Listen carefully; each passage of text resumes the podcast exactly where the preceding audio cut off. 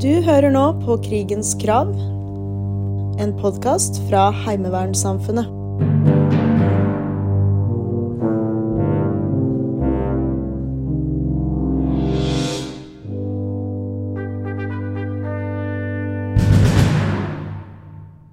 I dag sitter vi på Sjømilitære Samfunn i Horten. Eh, og vi har vært så heldige å få med oss eh, kommandteam fra Heimevernet. Hjertelig velkommen til deg, generalmajor eh, Elisabeth Mikkelsen. Og til deg, sersjantmajor Gjert Grave. Takk for det. Takk for det. I podkasten vår så snakker vi om, om lederskap.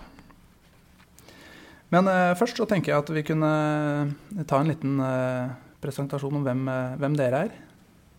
Dere kommer jo fra, eh, fra, andre steder enn Heimevernet, begge to.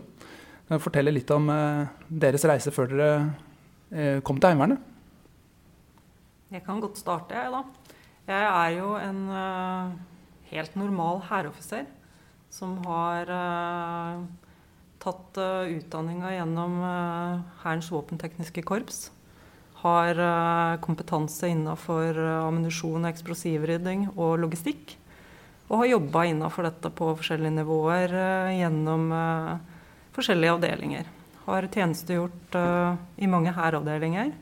Vært bataljonssjef, men jobba også i Forsvarets operative hovedkvarter som logistikksjef og i Forsvarsstaben. I tillegg så har jeg jo sivil utdanning. Jeg er utdanna maskiningeniør fra Gjøvik før jeg begynte i Forsvaret og har to mastergrader. Eh, så jeg tenker at dette med utdanning og utvikling det har vært en del av hele livet mitt. Og eh, nå er jeg kommet til Heimevernet. Det er den første jobben jeg har i Heimevernet. Veldig spesielt å sitte i den første jobben som sjef. Men en jobb jeg er blitt utrolig glad i, og som jeg er veldig takknemlig for at jeg får lov til å ha. Jo, jeg har vel en eh, Jeg er utdanna gjennom Hæren. Jeg gikk befalsskolen for infanteriet og har tjenestegjort i Nord-Norge og i Telemark bataljon før jeg eh, i 2003 starta i spesialstyrkene. Så det er jo der jeg har hovedbakgrunnen ifra. Det er jo fra FSK og spesialstyrkene. Så i forhold til det temaet vi skal ha i dag, i forhold til ledelse, så er det jo mest den operative ledelsen jeg har eh, som bakgrunn. da i bunn og grunn. Og så har jeg jo kommet over til Heimevernet nå, og det er jo utrolig interessant. Det er mange sammenligningsgrunnlager mellom Heimevernet og det spe spesialstyrken eh, står for. Spesielt det på beredskap og den portefølja porteføljen som er der. Hvordan var det å komme, komme til Heimevernet? Det var egentlig veldig godt å komme til Heimevernet. Eh, jeg hadde, når jeg jobba på Forsvarets operative hovedkvarter, en god del med Heimevernet å gjøre i forberedelsene til øvelse Trant Jungsjør. Der forsto jeg hvilken viktig rolle Heimevernet hadde i totalforsvaret, i det sivil-militære samarbeidet og i vår egentlig nasjonale beredskap. Så når jeg da kom til Heimevernet og var så heldig å få en jobb der, så føltes det ut som at jeg kunne bruke egentlig veldig mye av den kompetansen jeg hadde erverva meg gjennom et uh, langt liv, på en god måte, samtidig som jeg fikk være en del av en veldig viktig beredskapsorganisasjon. Uh, og det føler jeg fortsatt i dag. Mm -hmm. Så var det for deg? Jo, for min del så Jeg kjente jo Heimevernet utrolig lite før jeg begynte i den jobben jeg sitter i nå. Uh, det jeg har vært borti Heimevernet før, er liksom det hovedkjentmann-begrepet, og det er liksom det det. Eh, men eh, når en først ikke skal jobbe i spesialstyrkene, så føler jeg jo på en måte at det her er den plassen som er riktig for meg å, å jobbe. Eh, og så er jeg utrolig imponert over det som Heimevernet står for og det de leverer. Jeg hadde ikke sett før med det i det hele tatt, på alle nivåer. Helt fra topp og ned til heimevernssoldaten. Så for meg så har det vært en utrolig positiv opplevelse det året jeg har sittet i stillinga. Så det har vært interessant, og jeg gleder meg til fortsettelsen. Ja, Det er godt å høre. Hva har eh, på en måte vært den største utfordringa, eller det som var eh, kanskje eh, mest forskjellig fra, fra, der dere kommer fra? Jeg tenker at uh, det som gjør at uh, Heimevernet kanskje er dårligst kjent i Forsvaret, er jo at det er en stor styrkestruktur, at soldatene ikke er inne til daglig. Og at man faktisk klarer å få uh, beredskap ut av at, han, at man har organisert seg på den måten. Krever jo at man har ressurser for å trene og øve. Og få et felles fokus på en veldig stor struktur, der man kun har strukturen tilgjengelig i korte deler av året. Jeg tror disse disse utfordringene har nok alltid vært der i Heimevernet. Men de er der ikke i resten av Forsvaret, nå som resten av mobiliseringsforsvaret nesten er eh, avvikla i sin helhet. Så det er kanskje det som har uh, gjort at man har brukt masse tid på å bli kjent med den beredskapsorganisasjonen og systemet. Uh, og systemforståelsen har jo økt, men det er også kanskje en utfordring. ja. Ja. ja. For min del så er det jo eh, det å eh, Største forskjellen er jo ikke minst den tida du har til trening og eh, hvordan du blir prioritert eh, totalt sett i Forsvaret. Jeg kommer jo fra en avdeling som var pri 1-avdeling på både eh, materiell og ressurser og tilgang til det meste. Så det er jo en veldig stor forskjell, eh, selvfølgelig. Men det å få det vi har til å virke på en eh, god måte i, i Heimevernet. Eh, også for min del, den største utfordringa er å bli kjent med Heimevernet på en god måte. Og ha den forståelsen på hvordan den beredskapsorganisasjonen fungerer. Sånn at jeg kan levere på best mulig måte innenfor de fagområdene og der jeg har ansvaret for. Da. Mm. Eh, for, for, meg så virker det som at uh, også resten av Forsvaret er på vei uh, til å skjønne litt uh, Heimevernets e-, egenart. Uh, nettopp på det du sier med at vi er jo ikke inne til daglig. det som skjer på IT-systemet f.eks. Uh, at det er et IT-system på trappene nå som vil gjøre hverdagen enklere for oss som ikke er bak leirportene til daglig. Mm. Det tror jeg du har helt rett i. Også gjennom mange år så har det nok vært uh, både opp- og nedturer for Heimevernet. Uh, det som jeg tror uh, den krisen vi står nå i, har gjort veldig tydelig, det er behovet for Heimevernet som beredskapsorganisasjon, og hvordan vi kan gjøre en forskjell. Hvordan man kan bruke samfunnets ressurser smart. Da, med bistand til politiet på grensa, Eh, I tillegg til at man bidrar ved naturkatastrofer og andre hendelser, som eksempelvis Gjerdrum, med ressurser eh, raskt, fordi vi har en landsdekkende organisasjon som har høy reaksjonsevne. Den forståelsen eh, har blitt betydelig bedre i samfunnet. Vi har også fått eh, forsterka det som var en suksesskriterium under Trent Juncture, dette gylne triangelet. Eh, distriktsjefen som står i tett ledetog med statsforvalteren og politimesteren, de har fått eh, samarbeide veldig godt under eh, covid. Eh, og hos de sentrale aktørene også blitt eh, fått en veldig mer økt forståelse for Heimevernet sin rolle, i tillegg til internt i Forsvaret. Så vi har nok eh, øka kompetansen om oss. Og gjennom det så står vi også stødigere i fremtida. Mm. Jeg er helt enig med Elisabeth uh, angående rundt Heimevernet. Det, uh, den situasjonen vi står i, spesielt med oppdrag på grensa og det tragiske som skjer på Gjerdrum, gjør jo at Heimevernet blir veldig synlig. Både i media og at folk ser at vi er til stede og faktisk utgjør en kjempestor forskjell og er til nytte. Det er veldig viktig at vi er synlige på de arenaene. og Det gjør jo at det blåser en litt sånn totalforsvarsvind over, over Heimevernet mm. og Norge. Det at uh, politiet, som hadde fått støtte av Heimevernet nå, uh, trekker frem heimevernssoldaten som veldig fornuftige, avbalanserte folk som gjør jobben på en veldig god måte, er jo egentlig bare en anerkjennelse av akkurat det vi er. Det er soldater, det er ressurspersoner i samfunnet. Eh, og man har muligheten til å bidra. Man har en, et aldersspenn som gjør at vi har et mangfold. Eh, og det har blitt veldig tydelig og synlig. Så det har vært veldig mye skryt til heimevernssoldaten, og den eh, skryten fortjener det. Mm. Det skjer jo ting på materiellfronten òg. Eh, det har vel du hatt en del med å gjøre, Gjert? Ja, det er en positiv utvikling på materiellfronten i Heimevernet. Vi ligger jo langt bak resten av Forsvaret på enkelte, enkelte ting, selvfølgelig. Eh, og vi har jo vært arven til Hæren i alle år. Men eh, det, det, kommer stadig nye ting på teknologisida hele tida nå, så det er jo veldig, veldig positivt. Så mm, det ser, ser bra ut uh, innenfor enkeltområder, og vi er langt framme på enkelte ting. Og så er vi veldig langt bak på andre. Men vi prøver å jobbe i riktig retning og setter inn krafta der det er nødvendig. Mm.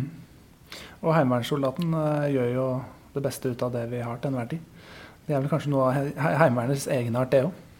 Ja, Heimevernets egenart. Det kan man egentlig si av veldig mange ting. Men det som egentlig jeg uh, vil si er det viktigste vi står støtt på, er akkurat denne egenarten. Det at vi evner å finne gode løsninger ut fra de rammene vi har. Mm. At uh, vi, vi, er et nettverk, vi har tilgang til ressurser, vi bruker ressursene, og vi får ting til å skje. Nesten uansett hvilke forutsetninger man har. Uh, den styrken den skal vi ta med oss inn i fremtida. Mm. For det er uh, viktig, og, viktig for vår nasjonale beredskap.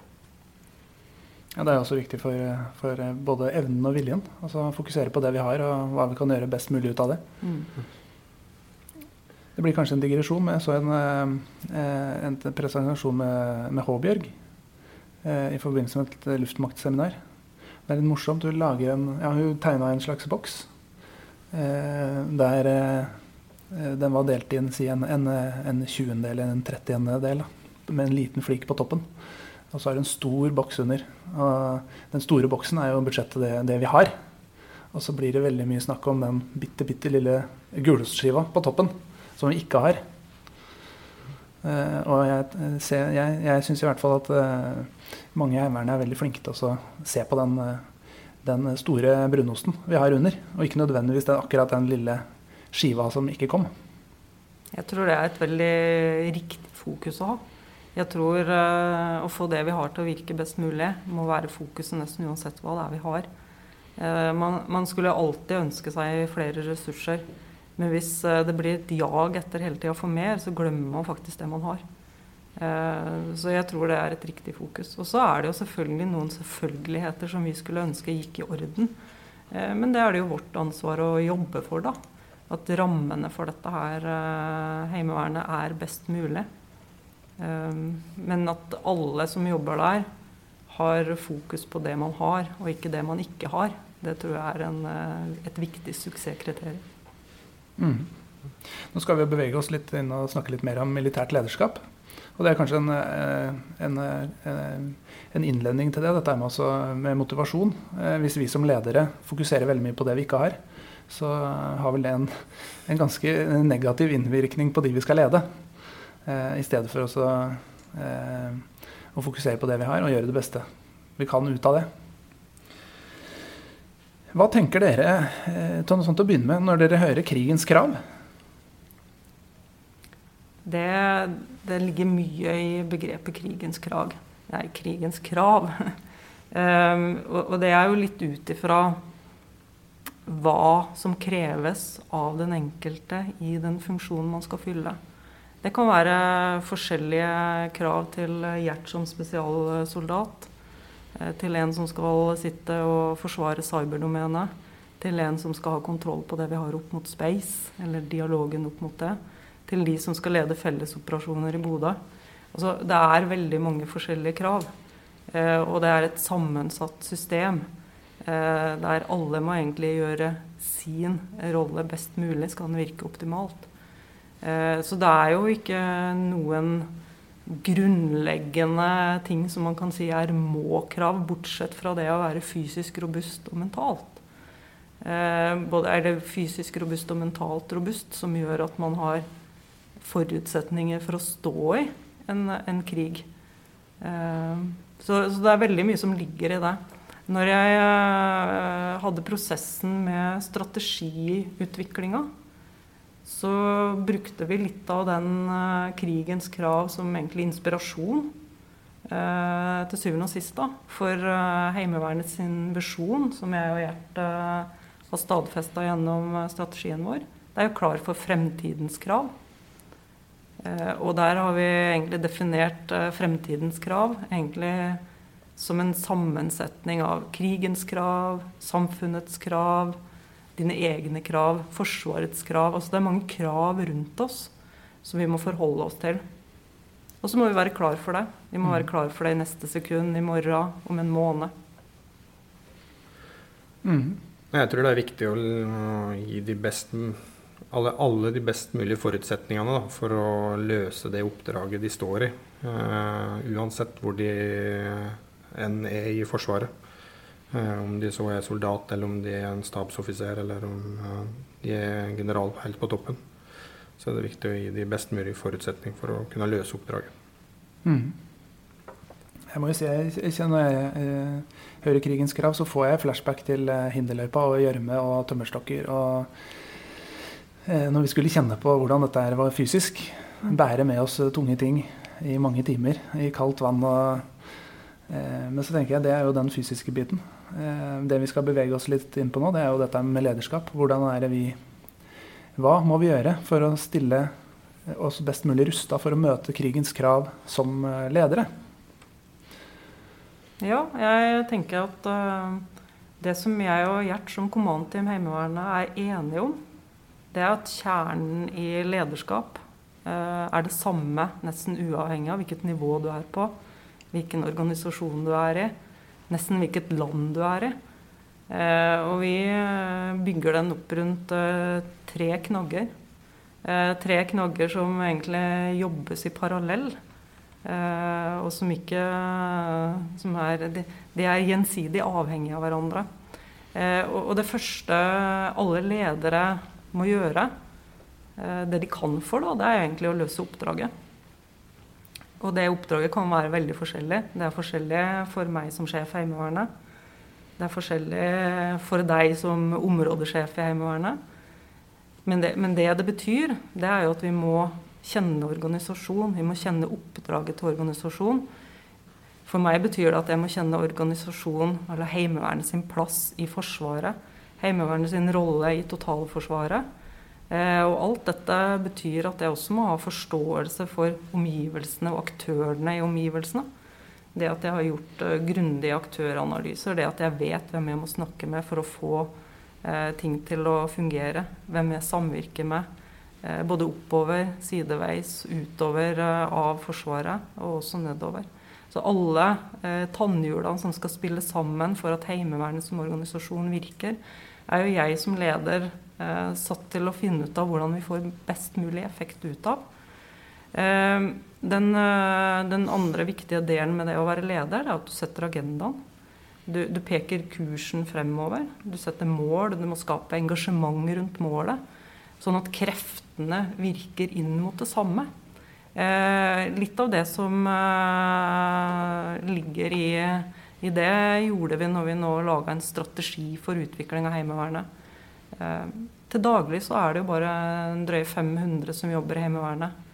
Eh, men organisasjonen er jo på 40 000. Og hvordan kan vi få krafta i disse 40 000 til å bevege seg i samme retning? Nå er det ikke sånn at alle heimevernssoldater skal være i sånn utviklingsmodus, men de skal vite hvor vi skal gå, og, og ikke minst hvorfor. Så det å sette denne, denne visjonen for fremtida gjennom Klar for fremtidens krav, kommunisere tydelig hvordan vi skal bli klar gjennom utviklingsområdene, heimevernssoldaten, bruken av Heimevernet og vår totale beredskap, så gjør jo alle at de forstår både hva vi har fokus på, og hvorfor vi har fokus på det. Eh, og det, det, er en kjempeviktig del av det å være leder. En kjempeviktig del av det å kunne lykkes med å løse oppdraget. Og hvis du ikke får til det, så er du på en måte irrelevant som leder. Eh, og, og i tillegg så er det kjempeviktig at jeg eh, drar fremover gjennom å ta tidsriktige beslutninger. Men jeg kan jo ikke ta alle beslutninger. Da blir jeg jo en kjempeflaskehals. Eh, så jeg må bemyndige folk rundt meg. Og så har jeg jo et system av ledere nedover. Eh, og der er den intensjonsbaserte ledelsen som Forsvaret har valgt, veldig god. Men der har jeg også bemyndiga sjefssersjanten min. For i kraften av å være sjefssersjant så har du ikke en formell myndighet den får han gjennom at jeg sier at dette er din oppgave. Og det har jeg sagt på veldig mange områder til Gjert. Dette må du eh, ta lid på å jobbe med. Mm. Ja. Nei, altså Det er jo mange av de samme tingene som går igjen for min del eh, rundt lederskap, som Elisabeth nevner. For jeg må finne mine nærmeste på mitt nivå i forhold til hvem jeg snakker både sideveis og oppover. Eh, og finne min rolle oppi det. Um, og så er det jo og hvordan jeg kommuniserer med de nedover i, i distriktet og helt ned på området for å få fram budskapet. Så jeg er jo på en måte, hvordan skal jeg si det, navet uh, i det hele under Elisabeth for å få effekt ut av de beslutningene som hun tar. Da. Jeg prøver å følge de opp på ulike arenaer for at vi greier å holde både progresjonen framover, men også tempoet og eh, kontinuiteten i det som eh, Heimevernet vil, og det vi beslutter. da. um, så det, jo, det, kan jo være Heimevernsstaben jeg samarbeider med og sørger for å følge opp. Det kan være herns, opp mot Hæren. Alle de andre diffene og sånn for å få ting til å fungere inn i Heimevernet. For vi er helt avhengige av å ha et godt samarbeid med alle rundt oss så er det et veldig sånn bredt spekter av eh, portefølje for å følge opp. da. Men eh, det som er viktig for min del, det er jo skjønne intensjonen til sjef Heimerne for å kunne gjøre en god jobb eh, videre. Hvor er det vi vil hen, hvor skal vi hen? og hvilken retning skal Heimevernet gå? For at jeg kan liksom levere på de ulike arenaene som jeg er bemyndiga til å faktisk skal gjøre en forskjell. Så ja. Det er, eh, det, er, eh, det er, mange ting som kan sies om dette her å løse oppdraget. Eh, men, men, det å også stille krav, det å følge opp, mm. det å korrigere kursen hvis du ser at det drar av gårde, det er også ditt ansvar som leder.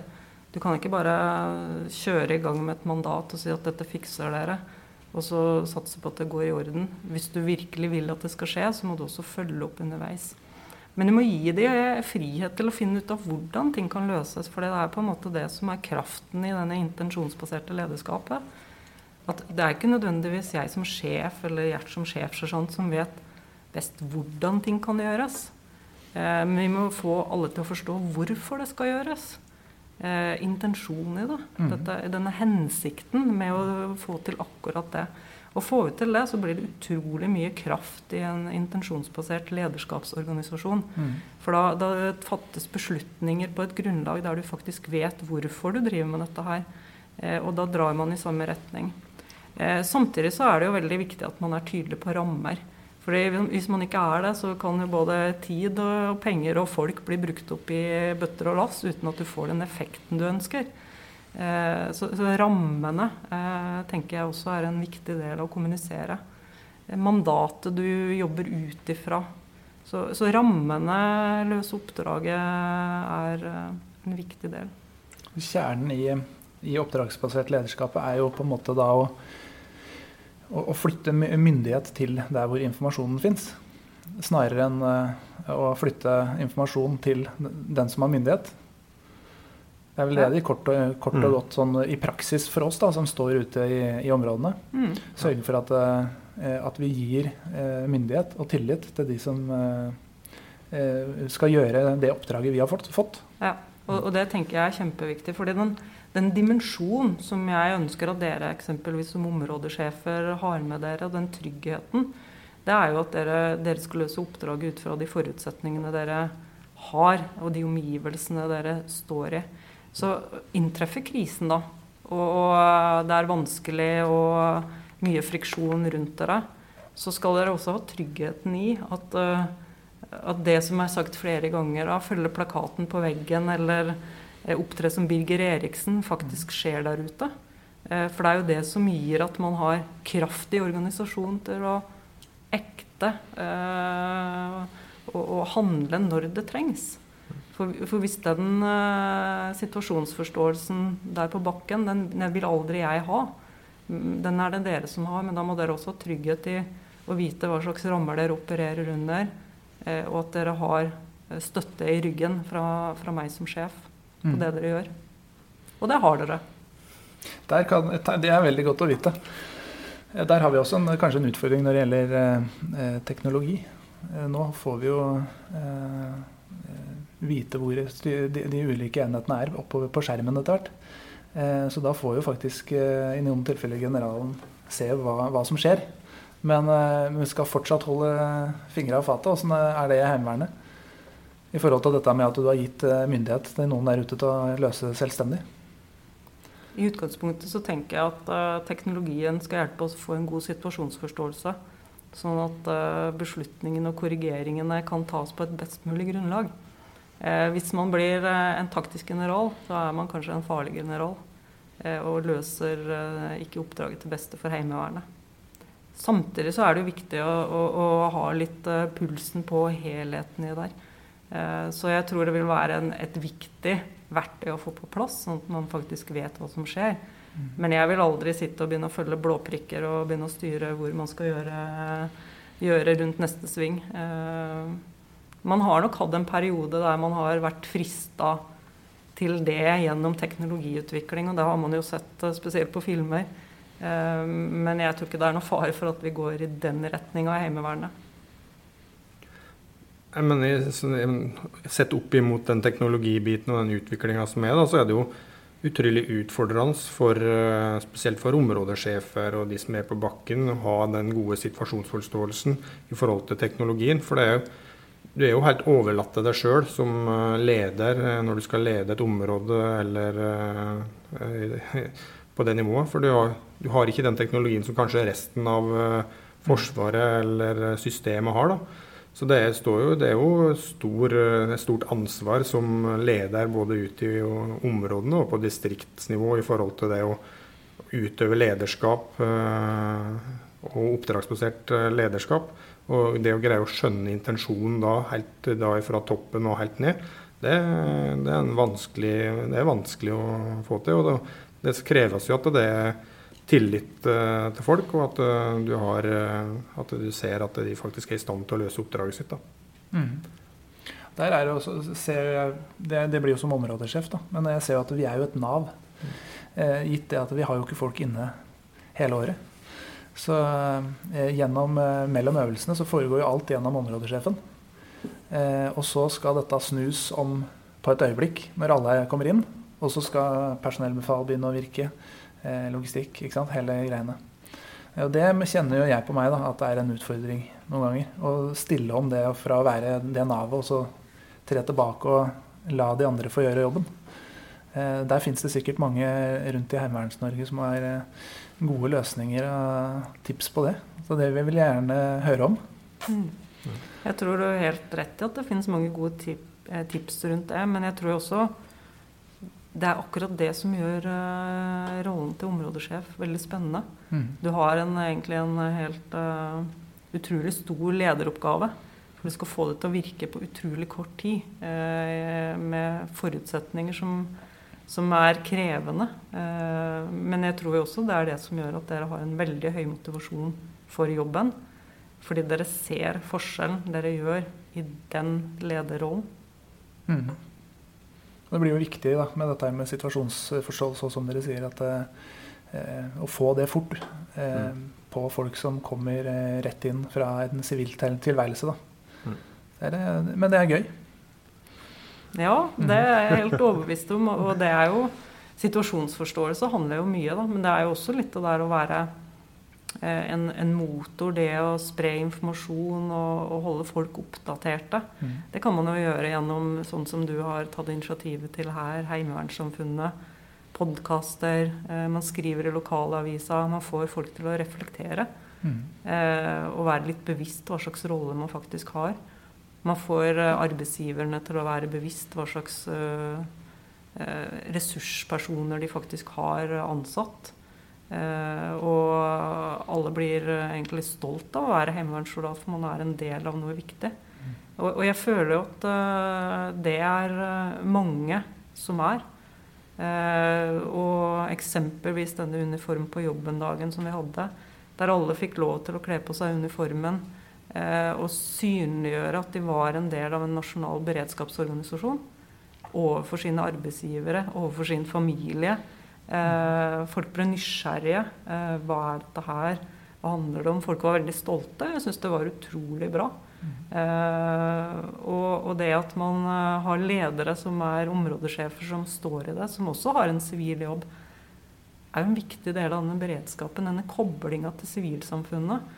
Denne, denne, forsvarsviljen som vi har en veldig viktig rolle i å få til i, i samfunnet i Norge. Gjennom at vi er landsdekkende, gjennom at vi har et stort volum. Men også gjennom at vi er en styrkestruktur.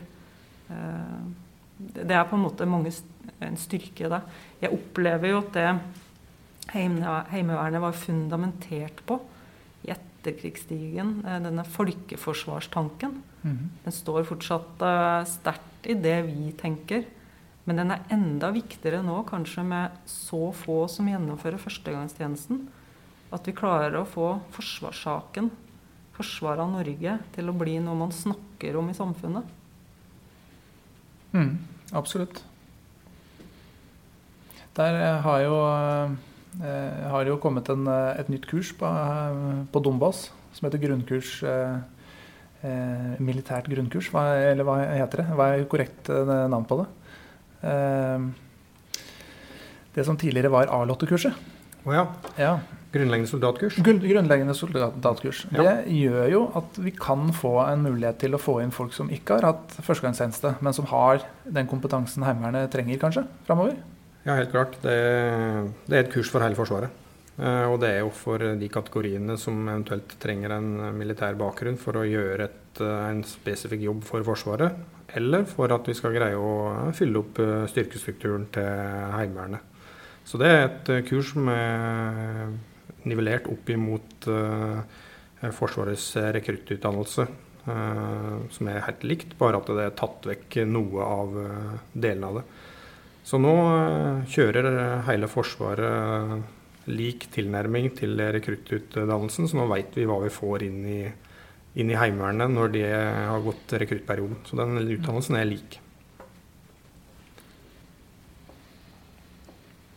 Ja, når vi har uh, dette lederskapet vårt, da, så har vi jo nå diskutert mye dette med å løse oppdraget. Men vi hadde jo to knagger til. Ja, så da er jeg spent på de to uh, siste. Og jeg har, jo, jeg har, jo, tenkt å introdusere de, da. Ja. Uh, men tar, jeg tar den andre først, da. Og den andre er jo å ta vare på folkene. fordi dette er jo helt avgjørende for at man skal lykkes. Det er jo at man er et godt team som er limt sammen av tilliten mellom folkene. Eh, tilliten ikke bare mellom folkene, men også tilliten eh, til eh, folkene i samfunnet. og for at vi skal ha en, en, god tillit, så er vi jo tufta på at vi må egentlig drive basert på våre verdier.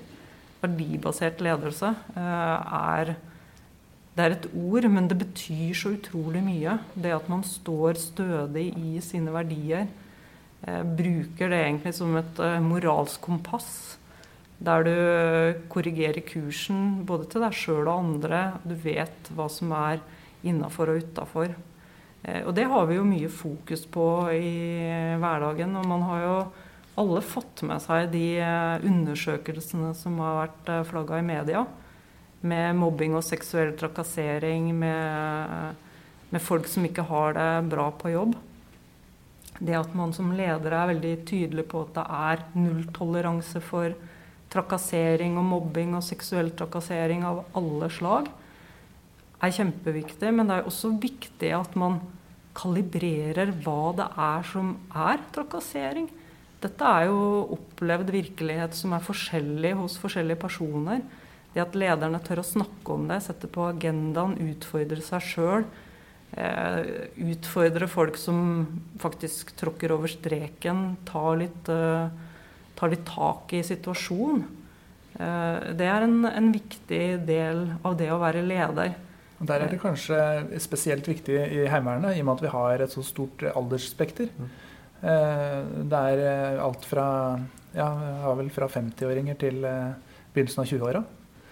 Eh, og det er kanskje forskjellige ting som oppfattes på forskjellig måte. Så det er ekstra viktig at vi da setter en standard da, kanskje, i, i områdene og i troppene våre. Mm. Jeg tror det er kjempeviktig. Ja, så tror jeg det er viktig å ta inn over seg nå. Det er jo alminnelig verneplikt uh, som kommer nå. Og Heimevernet må jo være forberedt på at det kommer mye mer jenter inn i Heimevernet nå enn det har gjort uh, de siste åra. Så det må vi jo være forberedt på, og uh, gjøre de tiltakene som skal til for at det her går riktig for seg.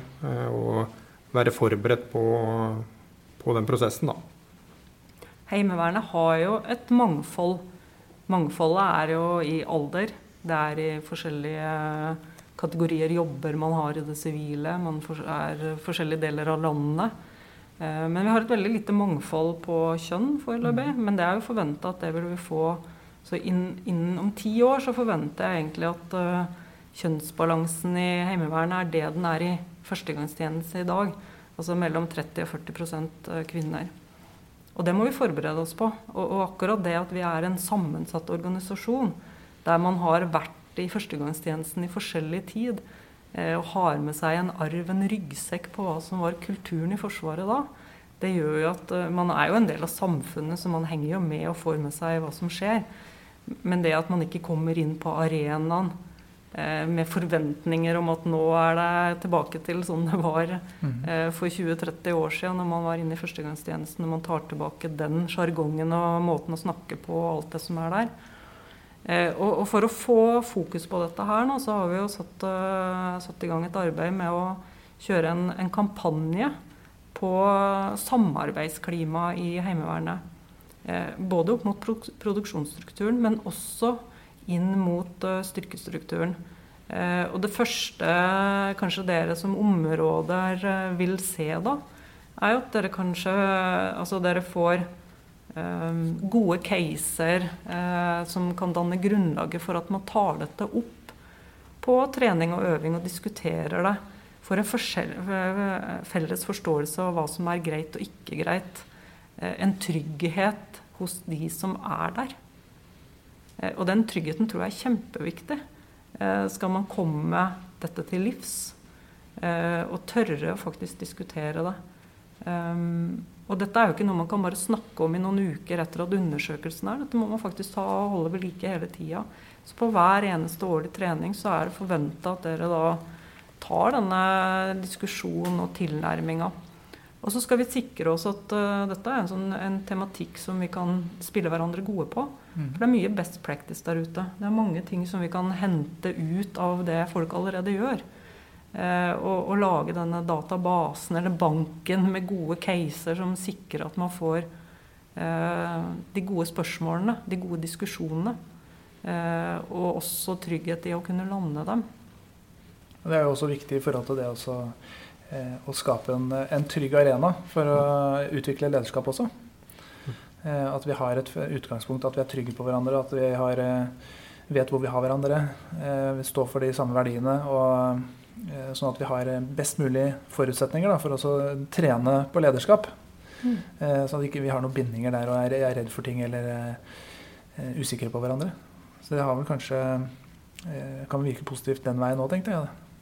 Det har du helt sikkert rett i. fordi jeg tenker at uh, den, det å ta vare på folka sine, det betyr jo at man som leder må skape trygghet. Uh, det betyr at man som leder er nødt for å reflektere over hva du som uh, ansatt da, eller en del av styrkestrukturen faktisk trenger. Og folk trenger forskjellige ting. Så man må tilpasse lederskapet sitt. Det er det som egentlig er rettferdig ledelse i mitt vokabular. da. Det at man evner å tilpasse deg både ut fra situasjonen, men også ut fra folk. Ja, nei, Når det gjelder eh, spesielt opp mot min rolle når det kommer det på, til å ta vare på folka våre, så er det jo Jeg ble jo en litt sånn temperaturmåler eh, for eh, Elisabeth på eh, tingenes tilstand, på en måte. Hvordan fungerer det her? Eh, er vi i stand til å ta vare på folka våre? Eh, jeg kan både ha en formell og en litt mer uformell rolle. Og så er det jo, For min del så er det jo liksom også er det jo å gi tillit og få tillit. Er jo viktig for å liksom kunne ha en god kommunikasjon med, med folka. Um, og så er det jo å se de folka du har med å gjøre med i hverdagen, og liksom det ulikes behov, sånn at du kan uh, eh, ta vare på og behandle de deretter. Da. Det er kanskje noe av det som jeg ser på sånn i ettertida for min egen del, i hvert fall. Det er jo at du må se folk sine ulike behov da, for å kunne være en god leder eller en god støttespiller. For alle er ulike. Men du skal behandle de likt og rettferdig, men ulikt. Der har vi kanskje også en, en spesiell utfordring da i Heimevernet, i og med at vi ikke er sammen med folka våre daglig. En, en kompanisjef eller en troppssjef i Hæren har jo daglig kontakt med folka sine. Eh, eh hvor tenker dere altså grensen går da med eh, områdesjefens ansvar for folka sine mellom treningene? Det skjer jo ting i livet til folk eh, eh, gjennom hele året. Det gjør det, og det tror jeg man skal bare respektere at det faktisk gjør. Eh, og så har jo områdesjefen eh, rundt 180 personer i snitt. da. Eh, men han har jo et system av ledere. Ja, det er klart De er heller ikke inne til daglig, men det at man har et bevisst forhold til det, at man ser folk og behovene, at man eh, håndterer situasjonene når de dukker opp, er ærlige, er støttende, blir en trygg havn da, ut ifra den kapasiteten og den ressursen man Eh, skal være. Det tror jeg er litt sånn avgjørende for oss å lykkes i lederskapet. Og så skjønner jeg at det er krevende. Eh, og det er kanskje mest krevende nå i den eh, situasjonen der vi har hatt eksempelvis HV05, som har mye bistandsfolk til politiet. Der man har måttet kalt på områder, og det har vært mange fritakssøknader har gjort at områdesjefen har fått en formidabel innsikt i utfordringene folk står i. Mm. Eh, som gjør at dette må man forvalte smart. Men samtidig så er ikke det noe man kan overlate til systemet å forvalte. Det, det, er på en måte den delen av lederskapet som gjør at du, det er kjøtt og blod, det er mennesker du håndterer. Eh, og hvis du bare setter systemet til å gjøre det, så blir det kaldt og kynisk. Mm. Eh, og man føler seg ikke ivaretatt.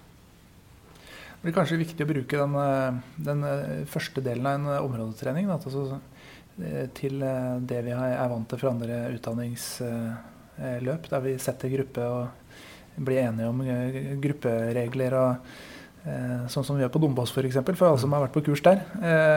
Jeg vet, jeg for min del har hatt intensjon om å gjøre det flere ganger. Men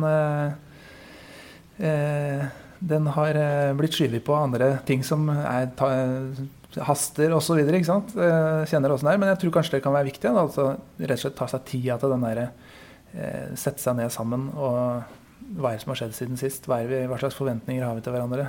Mm. Eh, noen har fått barn siden sist. Andre har skilt seg fra den de har bodd sammen med. Det har skjedd mye. Så kanskje den blir sånn ekstra viktig, og også sett opp mot det der med, med most. Altså Eh, med, med, det arbeidet som du nevnte i stad, med, med, mobbing og seksuell trakassering. At det på en måte er to ting som henger sammen, veldig tett sammen. Ja, jeg tror det er veldig viktig det du sier der. Og så tror jeg vi får veldig mye gratis nå i forhold til den oppdragsløsninga vi står i. Spesielt de som er involvert i den. I forhold til samhold, bli kjent med folk, eh, skape et miljø, eh, en kultur, ikke minst, internt i Heimevernet. Eh, folk blir kjent på en helt annen måte med, i, forhold til de eh, dagene de er på årlig trening. Eh, det ser jeg jo bare når vi har vært på besøk rundt forbi nå. De folk bor jo på ei lita hytte i ukevis og løser oppdrag. Du blir jo kjent med de folka på en helt annen måte enn du gjør på årlig trening. Mm. Og det håper jeg jo greier å strekke seg inn, og at du greier å dra erfaring med det over i den årlige treninga, så at du faktisk blir litt kjent med de folka, sjøl om de kommer fra en litt annen plass enn det du du er fra. Så eh, jeg tror vi får veldig mye gratis på akkurat eh, den biten her nå, spesielt for de som står i oppdragsløsning og over, over tid. Jeg tror jo også at hvis du gjør det på treningene dine, så får du igjen for det. Fordi det blir en, eh, en trygghet og en tillit i gruppene eh, som gjør at du, du, får et godt nettverk. Kanskje sågar et nettverk som har lyst til å holde kontakten utafor trening som gleder seg til å møte de andre og høre hvordan livet deres går neste gang man møtes. Eh, og, og, styrken i nettverket og tilliten og tryggheten til hverandre, den tror jeg er Jeg skal si at den er undervurdert, den er nok godt forstått. Men den er viktig Mm. i lederskapet og spesielt i Heimevernet, der vi er så få dager eh, samla. Mm. Og så er det jo den, eh, den dimensjonen med å se folkene dine. Den handler også om anerkjennelse. Jeg tror den anerkjennelsesdimensjonen kan man egentlig ikke få fremma godt nok. Eh, jeg på min måte kan jo anerkjenne mye. Jeg anerkjenner dere for den innsatsen dere har gjort nå med å etablere Heimevernssamfunnet. Eh, man kan gi medaljer, eh, men man bør alltid si ifra når folk gjør en god jobb. Mm. Eh, folk eh, klapper dem på skuldra og sier at dette var kjempebra levert. Eh, ikke sette folk i forlegenhet, men gi de anerkjennelsen eh, egentlig for de små hverdagslige tingene, for det setter folk pris på. Folk ønsker å bli sett. Mm. Eh, ønsker å, å bli anerkjent. Og gjerne de delene av organisasjonen som, som du kanskje tar litt for gitt. da. Ikke de som står fremst og er nærmest og brifer deg hele tida, men de som er grunnlaget for at dette virker. Ja, det er jo alltid, alltid fra de som eh, gjør rent på, på byggene, til, uh, til å holde maskineri, maskineriet i gang med kjøkkendrift. Altså, det Mm. er et stort system. Å få alle til å føle seg som en viktig brikke i systemet, det er også det ser se folkene. Eh, og få de til å få den følelsen. For det er jo følelsen du ønsker eh, å kunne gå på jobb med, og gå på jobb hjem igjen med også. Det at du er verdsatt. Så som leder så, jeg, så dreier det seg kanskje litt om å skape seg overskudd. Da, altså nettopp gjøre det. Mm. Eh, Ved kanskje da å gi myndighet eh, at, eh, Å spre, spre myndigheten ut eh, til de som skal løse oppdrag. Eh, og for å frigi også kanskje litt tid til deg sjøl. For å ta, ta den oppgaven med å ta vare på folka dine på alvor. For det tar jo litt tid. Ja, helt klart. Det er, det er viktig å sette av tid og liksom eh, prate med folk og bli kjent med folk. Det er en god investering. Men det kreves jo da at du og greier å delegere noen av de oppgavene Mm. for, for å faktisk frigjøre tid til å sette, og sette av tid til det. Det er, jo, det er jo kanskje det som blir mest krevende. For det er vanskelig å putte inn i kalenderen at nå skal du gå og prate med folk. For da føler du ikke at nødvendigvis det har en effekt av de som stekker kalenderen. Um, men det at det er litt romslighet av og til, det at man har satt av god tid, det at når man uh, faktisk er på et sted, så er det, det er litt slakk. Eh, man har uh, tid til å høre på historiene, man har tid til å ta den kaffen ekstra. Eh, fordi folk eh, blir glad av det, da. Mm. Eh, og man må jo være glad i folk skal man være leder. Det tenker jeg er en viktig forutsetning. Du trenger ikke å være ekstrovert for å være leder, men du må være glad i folk. Mm. det er min bestemte mening. Mm. Når vi eh, jobber og skal ta vare på folkene våre, så er det også viktig med noe som som kanskje har vært litt krevende i denne covid-tida. Det er å skape fellesskap og god stemning. Ja, det har ikke vært de beste arenaene for å samles og bli kjent med hverandre. Det er begrensa hva du får til på ditt eget kontor eller på én til to meters avstand. Sånn, eh, og ikke kan samle folk i store lokaler. Så det, det må man i hvert fall ta tak i nå på tida som kommer. Det er å samle folk og komme tilbake igjen til de arenaene der vi kan samles og ha de gode samtalene og reflektere og prate sammen. Det, det tror jeg vil være viktig. Samtidig så er jo dette en eh, tid der vi vil nok se en annen drift av eh, både Heimevernet og samfunnet etter covid. Men vi må balansere den bruken av teknologi og den fysiske dimensjonen. Og det, det som eh, går i det å ta vare på folkene, det er jo å skape, skape dette limet i denne tilliten og tryggheten. Den gjør du nok best med at man møtes fysisk. Kanskje på litt sosiale arenaer, ting utafor jobben som sørger for at du har et, eh, en felles eh, ting å se fram imot, eh, snakke om i etterkant, eh, hva det måtte være. Mm. Da har vi jo den internasjonale vaffeldagen, 23. Da har vi jo uniform på jobben-dagen 6.12. Kanskje vi skulle innføre eh, vaffeldagen 23. mars? Vaffeldagen 23. mars, da. Jeg har jo jobba i avdelinger der det har vært veldig mye vafler på fredager. Så nesten hver fredag så kjenner du vaffelstakinga komme. Og sånn var det også på Heimevernsstaben før covid traff, da. Eh, da var det birkenting og vaffelsteiking, eh, og folk strømma til. og man hadde god stemning rundt lunsjen med å, med å Egentlig et så enkelt verktøy som vafler. Mm. Alle liker det. Alle liker lukta av det. Eh, og det skaper et fellesskap eh, rundt noe som, som binder folk sammen. Mm. Så det var, det var vaffeldagen 25. mars. jeg syns jo kanskje én dag var litt snøtt, da. Ja, det er.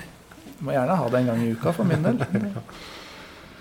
Nei, men samles på HV-huset med en vaffel. Jeg er helt sikker på at veldig mange gjør det. Mm. Men jeg er veldig eh, spent på det siste punkt, eh, punktet. Punkt tre. Punkt tre det handler om eh, selvledelse. Det at du som leder evner å lede deg sjøl, da. Eh, og det å lede seg sjøl, det bygger jo på forutsetning at du kjenner deg sjøl. Du må kjenne dine styrker og svakheter. Eh, du må vite eh, hva du er god på. Og så må du egentlig utfylle svakhetene dine på en eller annen måte.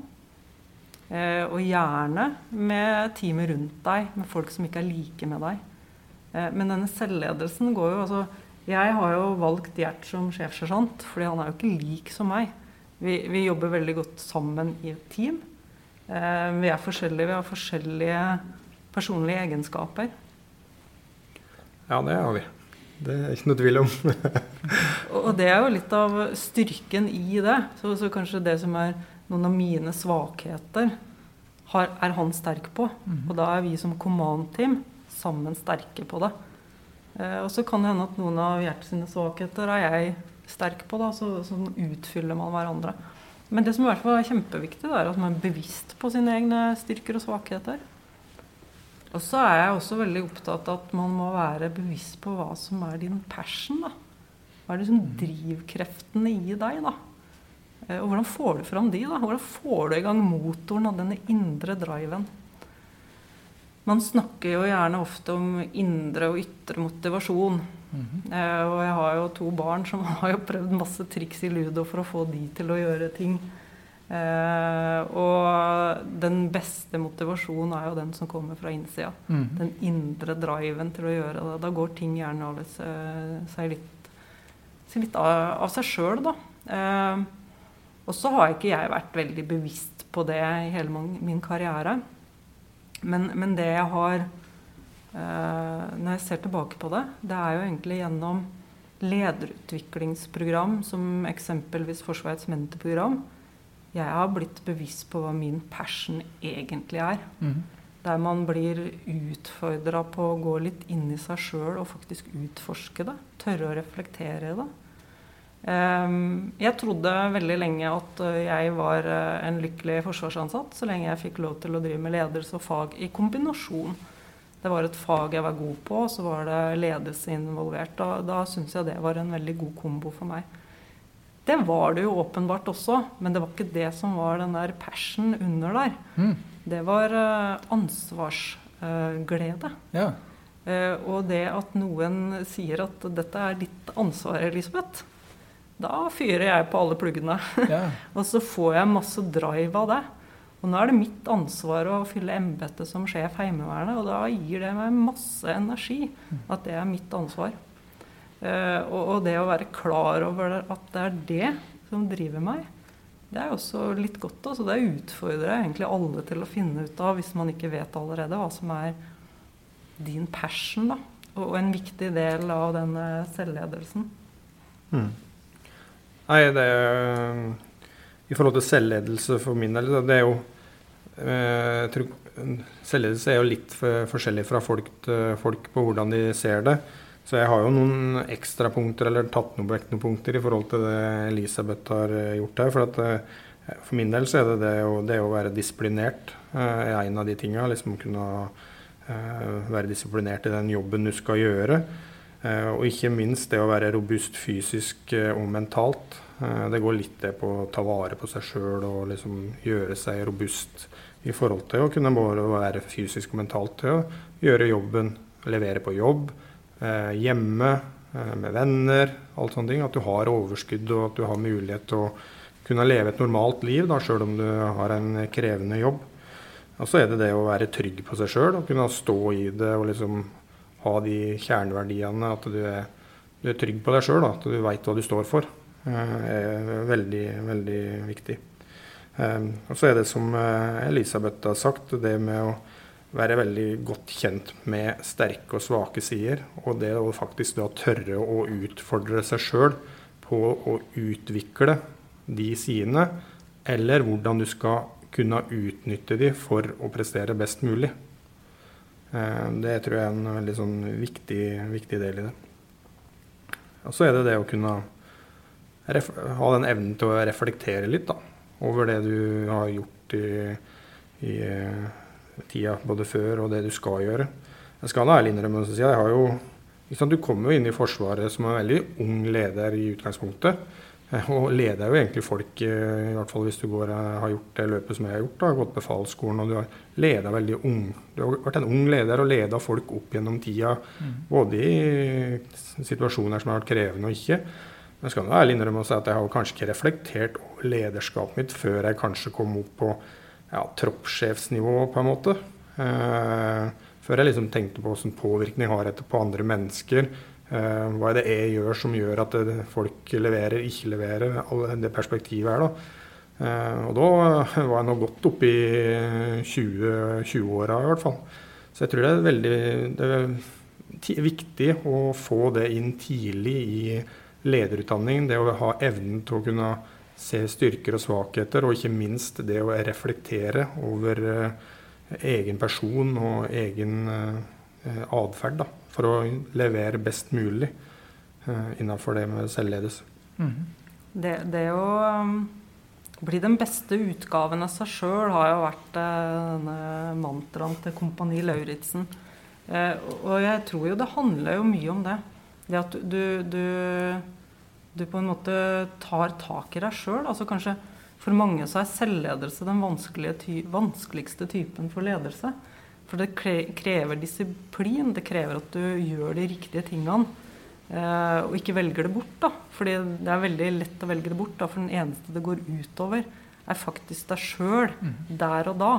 Men det går jo kanskje også til syvende og sist, da, hvis du reflekterer litt, utover din evne til å gjøre jobben det å ha den, eh, den fysiske grunnformen for, for, å levere best mulig på jobb, også som sjef Heimevernet, tenker jeg er en forutsetning. Men det er fortsatt eh, masse triks i ludo jeg må ha for å ha selvdisiplin til å holde treninga i gang, og være litt ærlig på at det er, det er noe jeg trenger push på. Så bare finne de gode metodene for å pushe seg sjøl og hjelpe seg sjøl når man vet at man eh, fort eh, For jeg kan sitte gjerne eh, og jobbe til 10-11 på kvelden, og så bare starter jeg neste dag fordi jeg skal bli ferdig med den jobben. Mm.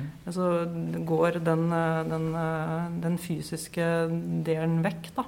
Og så må du ta tak i det, for du vet at det er viktig. Mm. Når du vet at det er viktig, så handler det om det som Gjert sier, denne selvdisiplin til å faktisk ta tak i det. og jobbe med å være den beste utgaven av deg sjøl. Og så er det jo å erkjenne at lederskapet er jo ferskvare. Du må jo utvikle deg sjøl. Du må jo få tilbakemeldinger. Du må tørre å få tilbakemeldinger. Eh, gjennom, flere, gjennom, eh, flere av posisjonene jeg har hatt som leder i Forsvaret, så har jeg fått eh, kjørt 360-evalueringer. Det er får tilbakemeldinger både fra sjef, sidestilte og underordna hvordan jeg blir oppfatta som leder. Mm.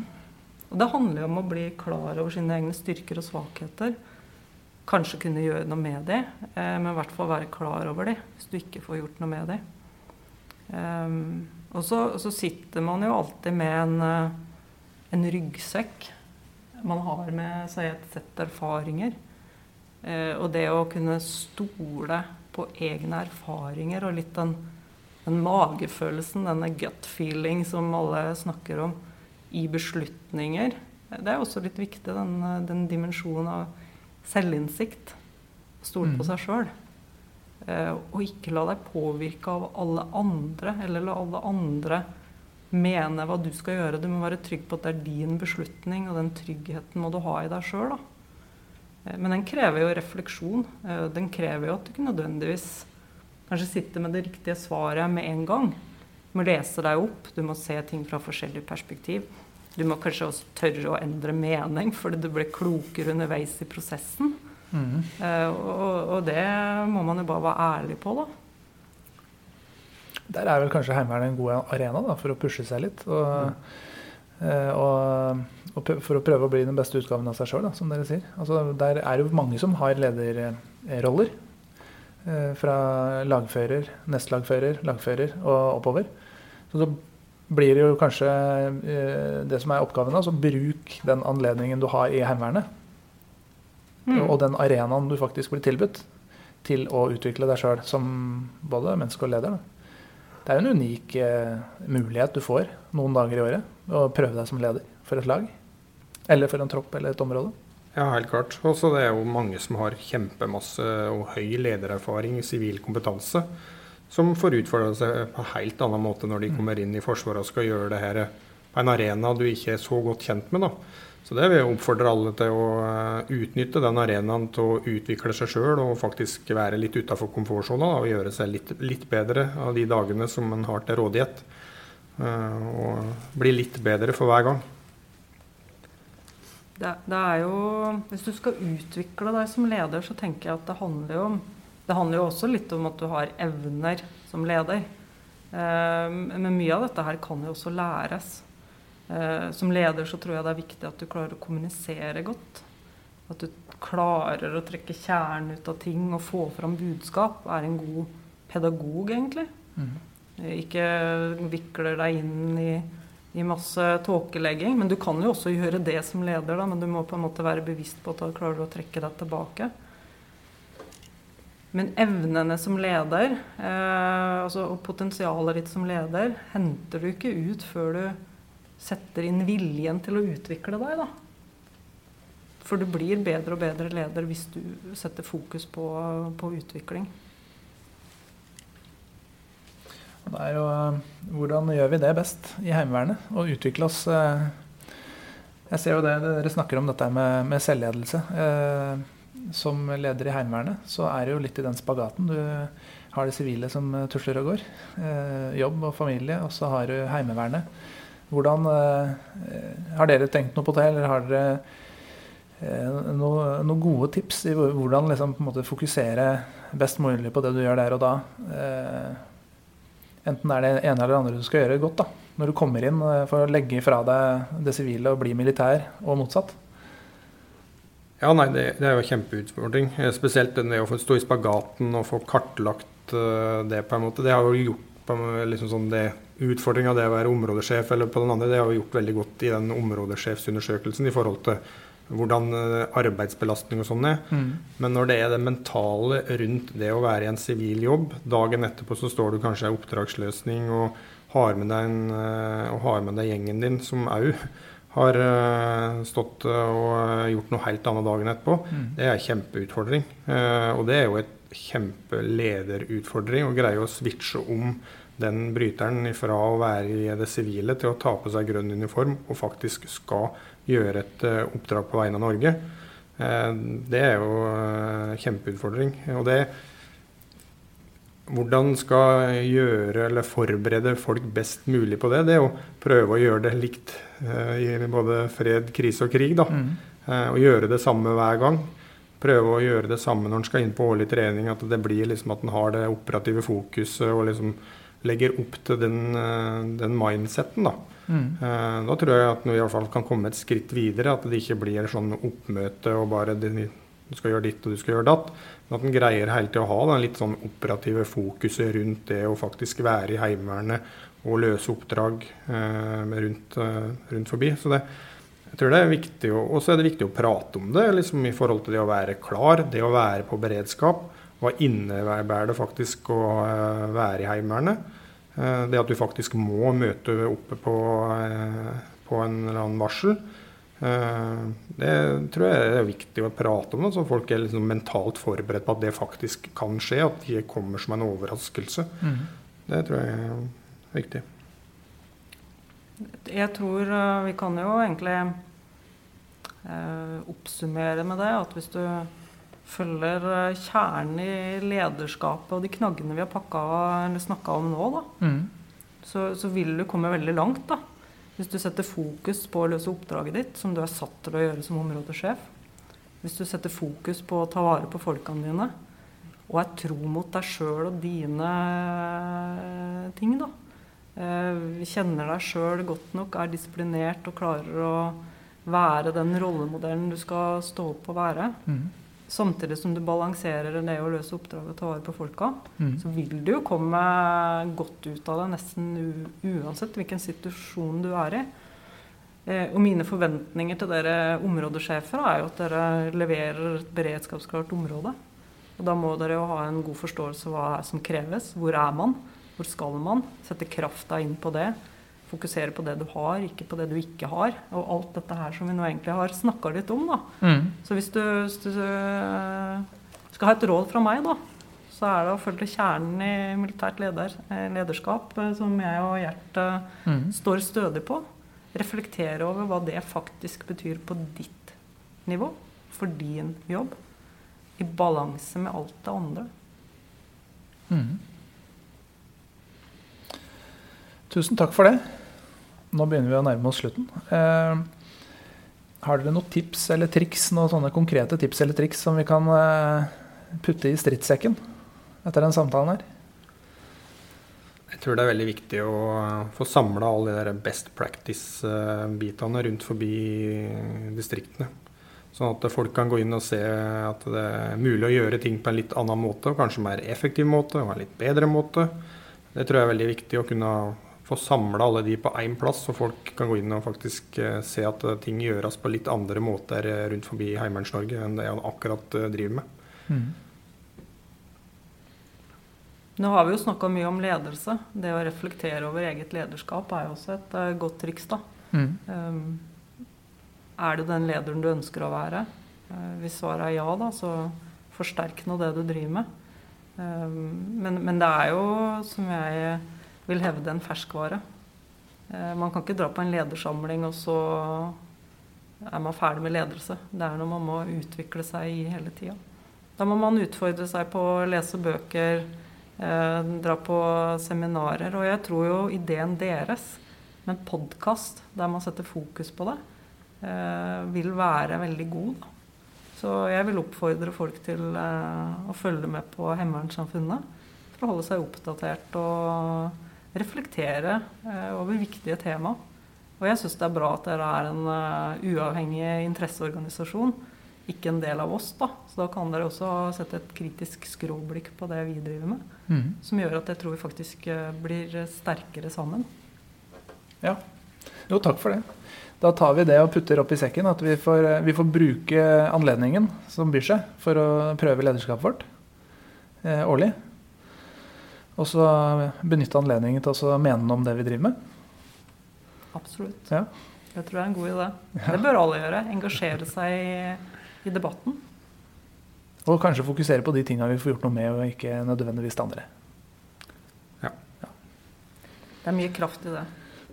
Eh, en fast spalte hos oss i Krigens krav er jo litteratur. Vi lurer jo litt på hva dere leser, og da spesielt med tanke på lederskap, selvfølgelig. Har dere noe å anbefale lytterne våre? Jeg syns at vi har eh, et veldig godt tilbud på eh, Heimevernsstaben. Der vi har en engasjert person som har ukens bokanbefaling. Og setter det fram i hylla hver dag, og en hylle fylt med mange gode bøker. En bok i den hylla som jeg er veldig glad i, eh, den er skrevet av en som heter John Cotter. Og det er åtte skrittsmodellen for å lede endring.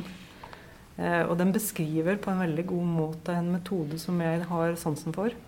Eh, nå skal jeg ikke gå inn på metoden her, eh, men jeg oppfordrer folk til å lese den. For den gir veldig mye mening i det å drive fram endring i en organisasjon. Takk. Ja, den boka jeg har lest nå i det siste, den er jo ikke på lista til Heimevernsstaben. Men det er bok jeg faktisk fikk av Inga Lund når jeg begynte i sjefsersjantstillinga i, i Heimevernet. Og det er en bok som heter 'Legacy'. Eh, den er egentlig om All Blacks, den newzealandske rugbylaget. Men den går på det å prestere på topp. Mm. Hvordan du gjør det, og hva er hemmeligheten til å gjenta suksessen. Eh, det går egentlig på sånn high performance-team på å gjenta suksessen.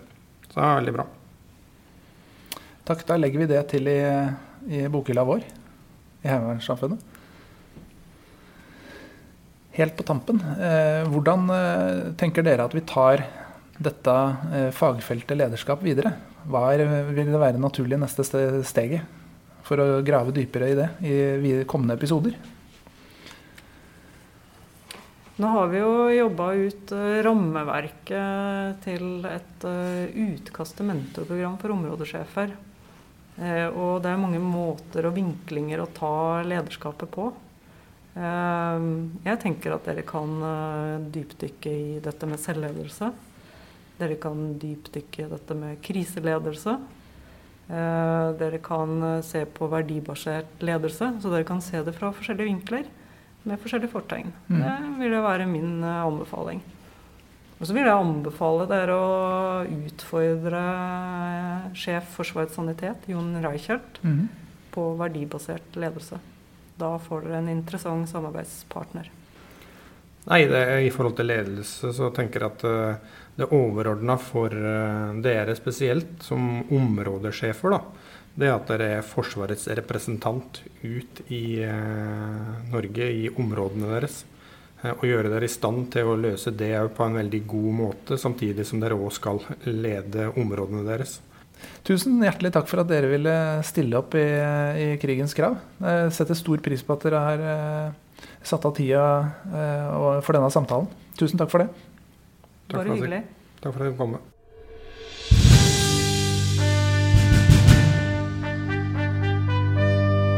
Du har nå hørt Krigens krav. Ta kontakt med oss hvis du har tilbakemeldinger eller ideer til nye episoder. Kontakt oss på hvsamfunnet.no. Følg oss der du hører podkast for å få påminnelse om nye episoder. Og så er det veldig hyggelig om du vil anbefale oss til dine venner og kollegaer. Krigens krav er en podkast fra Foreningen Heimevernssamfunnet, og denne episoden er laget av Jenny Lovise Norheim Bjerke og Magnus Jonsrud Kårdal.